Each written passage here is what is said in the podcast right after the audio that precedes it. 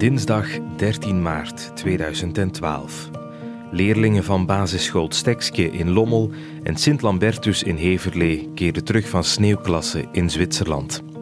Rond 9 uur s avonds verongelukte bus in een tunnel ter hoogte van de stad Sierre. De tol is bijzonder zwaar. 22 kinderen en 6 volwassenen komen om. Vlaanderen wordt de volgende ochtend wakker met het vreselijke nieuws. En zo'n nieuws brengen, dat maakte ook op ons een diepe indruk. Ik ben Kirsten Simons en deed mijn allereerste shift als eindredacteur voor Radio 2 Vlaams-Brabant. En ik ben Daan Masset en presenteerde ook toen het ochtendprogramma bij Radio 2 Limburg. Het hele land was triest. Er volgden drie dagen nationale rouw, vlaggen hingen halfstok en aan de getroffen scholen werden massa's knuffels, tekeningen en bloemen neergelegd. In deze podcast praten we met enkele mensen die het drama van dichtbij meemaakten. Mensen die geraakt zijn, maar die zich ook verbonden voelen. Mensen die het verdriet van Sierre voor altijd meedragen.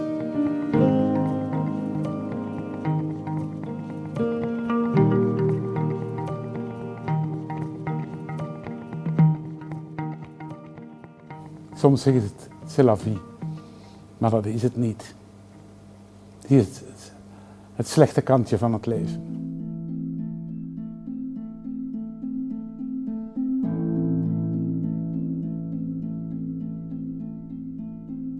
Deken Dirk de Gent komt voor onze afspraak nog een keer naar Leuven.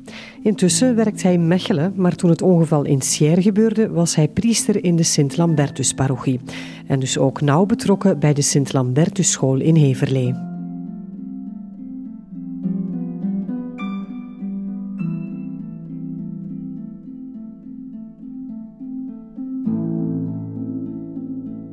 Ja, ik kreeg eigenlijk in uh, midden van de nacht telefoon dat er iets ergs gebeurd was met uh, de school, met de, de, mensen van de schoolreis uh, naar Zwitserland. En dan ben ik natuurlijk naar de school gegaan, want het was daar een en al paniek. De, de, directrice was daar, de, de leerkrachten waren daar, al een deel ouders waren daar. En ook al onvoorstelbaar een deel pers. Die waren al rapper op de hoogte dan dat wij op de hoogte waren. Uh, Louis Tobak kwam daar in één keer tevoorschijn. Allee, in één keer was alles daar hè, en we waren eigenlijk niet voorbereid. Gelukkig dat we niet voorbereid waren, want uh, het was een, een rampenscenario. En dan is de rollercoaster begonnen.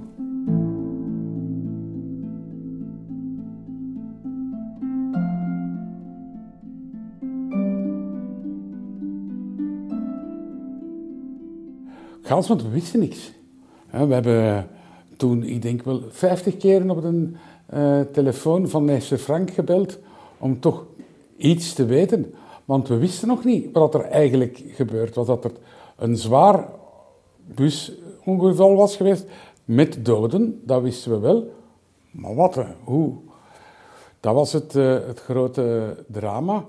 Een van de ouders die in uh, Londen werkt, die heeft dan heeft daar een topfunctie, uh, denk ik. Uh, is dan met een vliegtuig, privévliegtuig, naar, uh, naar Zwitserland gevlogen. En daar hebben we de, die is dan de, de ziekenhuizen gaan afdwijlen. En dan kregen we mondjesmaat, ah, die heb ik gezien, die heb ik gezien. En dan wisten we al, onofficieel, want het officiële, dat heeft toch heel lang geduurd. En we waren eigenlijk kwaad op die Zwitsers dat die uh, ja, zo traag waren. En, maar achteraf beschouwd hebben ze het bijzonder correct gedaan. Ja, het, het, willen weten, dat was toen. Uh, en natuurlijk ook, uh, ja, de kinderen komen naar school. Hè. Het was een gewone schooldag. Een gewone schooldag, dus dat betekende dat die kinderen hè, moesten opgevangen worden. Hè. Die leerkrachten die hè, bijna allemaal die kinderen van nabij kenden. Hè, want die hadden in het eerste leerjaar gezeten, of in het tweede, of in het derde. Allee, die moesten wel terug in actie treden. Daar hebben we toch wel... Uh, ja, dan moet alles georganiseerd worden van extra leerkrachten van een andere school vragen om... En voor de ouders, dat lijkt mij het moeilijkste, die onzekerheid waarschijnlijk. Was onwezenlijk. Hè. Die zijn allemaal samen in, in een bus gezet met een militair vliegtuig naar, naar Zwitserland gevoerd. En dan begint het, ja, een deel wist al dat hun kind overleden was, een deel nog niet. Hè. Dus er was toch wel, ja, dan krijg je toch wel andere gevoelens van mensen die hun kind levend zien en hun kind eigenlijk niet, niet meer zullen zien.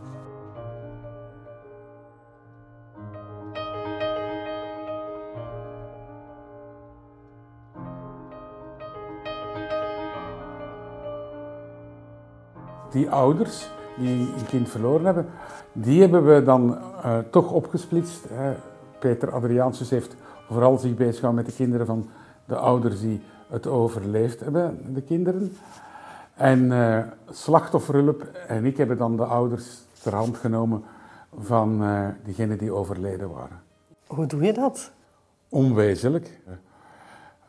Uh, ik denk dat het voor hen ook zeer on onwezenlijk was. Ja, je voelt daar het lijden, de miserie van jong leven met de vragen die opkomen van waarom mij kind? en daar is eigenlijk geen antwoord op. Daar is ook nu vandaag geen antwoord op. maar je kunt het wel het leven proberen neer te leggen. En dat hebben we dan toch gedaan. We hebben dat geprobeerd met die ouders. en dat, ik denk dat dat vrij goed gelukt is, dat leven neerleggen.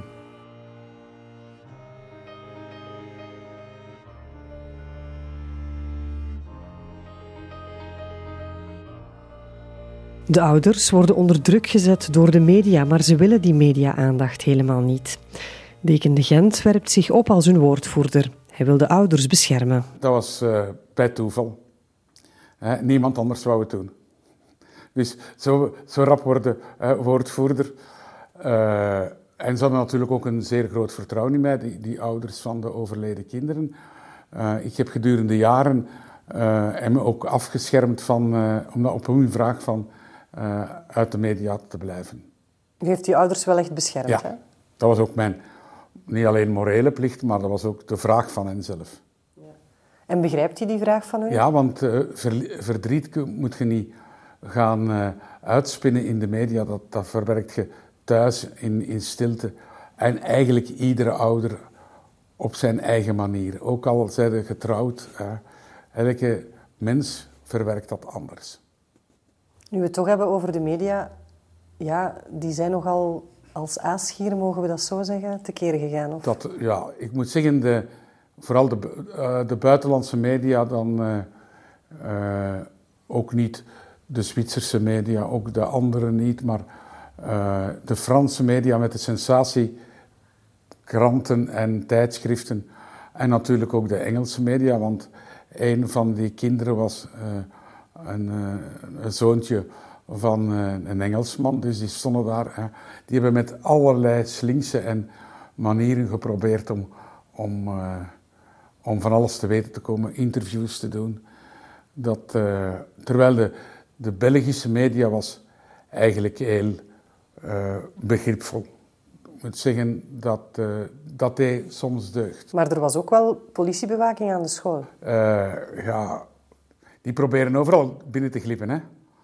En uh, die willen dan kinderen interviewen die op de speelplaats spelen. En dus moest het uh, met politiebewaking.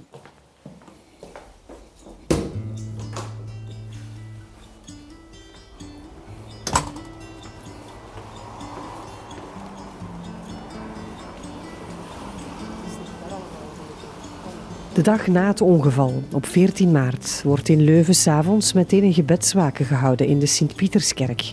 De opkomst is overweldigend en ook de aangrenzende grote markt staat vol met mensen en kaarsen. Nee, dat kaarsjesmoment, dat was eigenlijk een, direct een ingeving van s'morgens. Hè? Van wij moeten iets doen voor die mensen die op een of andere manier hè, hun uh, emoties willen uit van de, in de stad Leuven direct waren er mensen die, die hielpen om, om dat te realiseren. Dat was, gewoon indrukwekkend. Ja, we staan hier op de Grote Markt, eh, die nu vol met fietsers en studenten is. Maar die avond dat we het vernomen hebben dat het de kinderen overleden zijn, was dat hier een zee van licht. En bloemen en dergelijke meer. En uh, dit heeft de bevolking enorm veel deugd gedaan. Het heeft hier ook weken gelegen, die bloemen. En dus in, die nis, hier aan de, Grote Markt tegenover het stadhuis, ja, daar kon je niet door van de bloemen en de knuffels. En, uh, en we hebben dan die knuffels nadien allemaal gewassen en gedaan en aan goede doelen geschonken. Dat was een enorm gebeuren. Het was eigenlijk een bijzonder teken van solidariteit. Ja, ik denk dat er meer dan duizend man was. En dat was toch ook voor die ouders een, een opsteker uh, als ze die beelden zagen in, uh, in Sierra dan. Als u hier terug staat, denkt u daar dan aan aan dat moment? Nog heel dikwijls. Ja, nog heel dikwijls omdat het uh, een, een moment is dat het die dag het eerste half uurtje was dat er een beetje rust was. En dan komt het allemaal wel, hè, en je kunt het dan ook in de kerk voor neerleggen bij God. Dan is het niet alleen uw lijden, dan is het een samengedragen lijden. En dat maakt het lichter misschien? Dat maakt het leefbaarder. Heeft u zelf toen ook iets gezegd in de kerk? Drie woorden, denk ik. Uh, gelukkig was uh, uh, Monsieur Leonard aanwezig. Ik moet zeggen, fantastisch hoe dat hij zich daar op de achtergrond geholpen heeft. Maar ik zeg, je kan daar niks zeggen. Dan zal ik wel een woordje zeggen.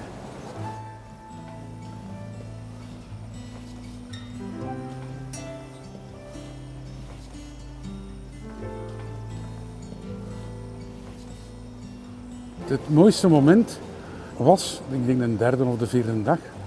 Ik kwam, uh, hij was op Dekenal bezoek, dus hij, ging maar verder de parochies bezoeken. En ik kwam om twee, drie uur s'nachts toe, na allerlei vergaderingen en ook bijeenkomsten en, en ontmoeting met ouders en dergelijke meer. En hij zat aan de keukentafel, bij mij op de pastorie, een Geneverke. Had hem zelf uit de kast gepakt, mocht hem ook. Hè. En uh, hij vroeg, hoe is het nu? En ik begon alles te vertellen wat er die dag gebeurd was. Nee, zei hoe is het nu met u? En dan moet ik zeggen, dan voelt je dat uw bischop ook uw medebroeder is. Dat vond ik, dat vond ik, was ook een mooi moment. En hoe was het toen met u? het slecht. Maar ja, je kunt dat niet laten zien. U moet sterk zijn voor de gemeenschap? Op dat moment wel, ja.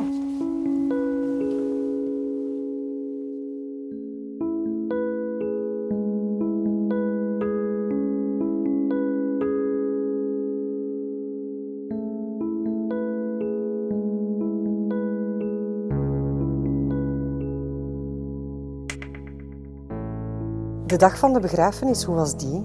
Zeer hectisch. Hè? Eigenlijk de, de dag was eigenlijk... Uh, er is geen nacht geweest daarvoor.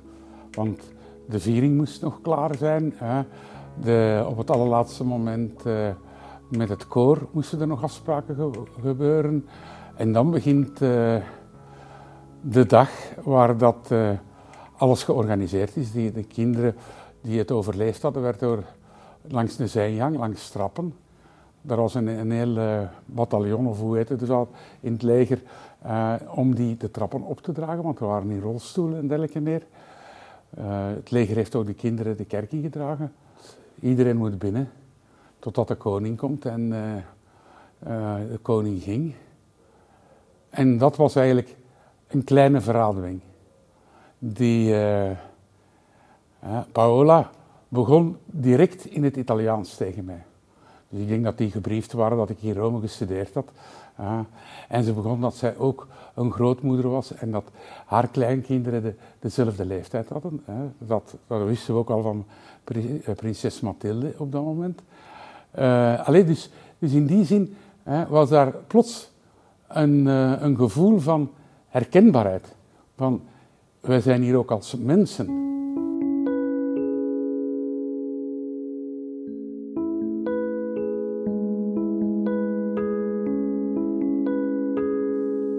Wat was het meest pakkende moment van uh, die begrafenis? Nee, die laatste woorden waar ik zelf niet meer uitgeraakte. Het zou nu nog zo zijn. Weet u nog wat u toen ging zeggen? Ja, maar ik krijg het nog altijd niet over mijn, mijn, mijn mond. Nee? Nee. Excuseer me, maar... Je ziet dus na tien jaar... Het blijft.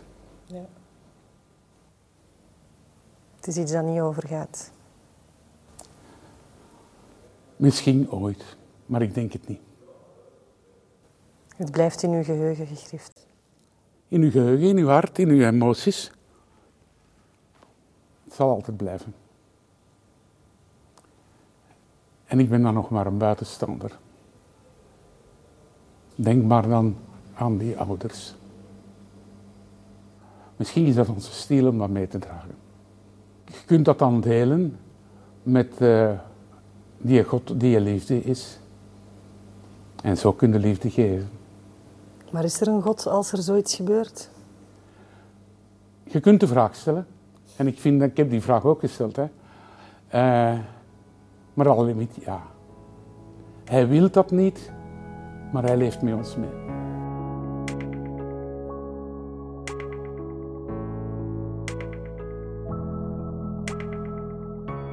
Deken de Gent is duidelijk nog altijd erg ontroerd door wat er in Sierre gebeurde. Hij heeft na al die jaren ook nog altijd contact met een aantal ouders. Met enkele. Ja, maar dat is tot uh, jaarlijks contact, uh, want ik ben nu ook al, al enkele jaren uit Leuven weg. Uh, dat betekent dat, dat die contacten ook minder zijn. Hè. Maar rond die datum, dan sms ik naar hen. Dus er blijft nog altijd een zekere verbondenheid. Als we elkaar uh, dan zien op een van die vieringen, uh, ja, dan wordt het terug emotioneel, alsof dat het gisteren is.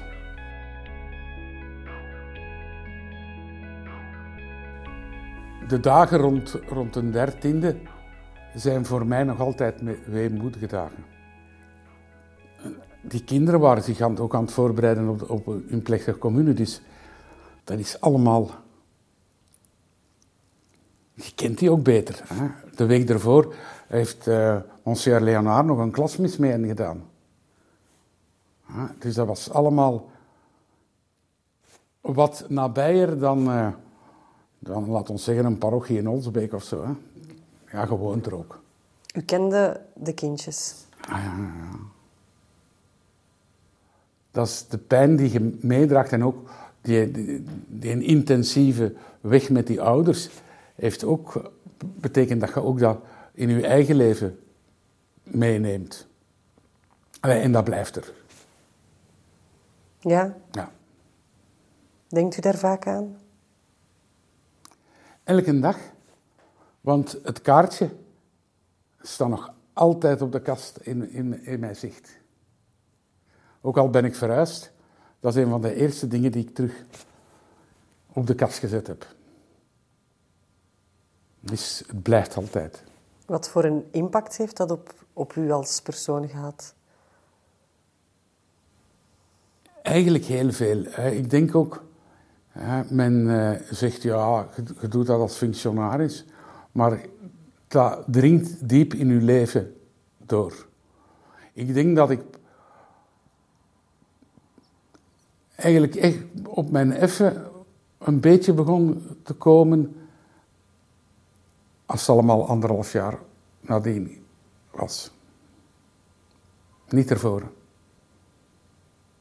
Bij elke begrafenis, bij, elk, bij elke doop zelfs. ik heb het uh, toen in die periode uh, moest ik gaan dopen ergens in de buitenparochies. En uh, monsieur Leonard ging mee. En ook in een doop komt heel dikwijls... die jij bent bestemd voor het eeuwige leven. Ik heb tegen hem moeten zeggen, neem het over. Ik kan niet. U was emotioneel. Ja, dat is zo. Die kwetsuur blijft. We zeggen die wonden helen wel. Nee, die kwetsuur blijft. Maar ze wordt misschien wat zachter in de loop der jaren. Ja, hoe, hoe, hoe kijkt u daar nu op terug? Ik had het liever niet gehad. Dat is al één. Uh, maar toch met een. Het klinkt eigenaardig, hè? Met een zekere dankbaarheid dat ik daar ook een beetje licht heb kunnen brengen in die levens van die mensen, ook van de parochianen, van de bevolking hier. Hè? Een beetje licht. Dan ben ik. Moest ik dat doen? Ja, ik denk het vanuit mijn geloof wel. Is dat gelukt? Ik weet dat niet. ik heb het proberen goed te doen.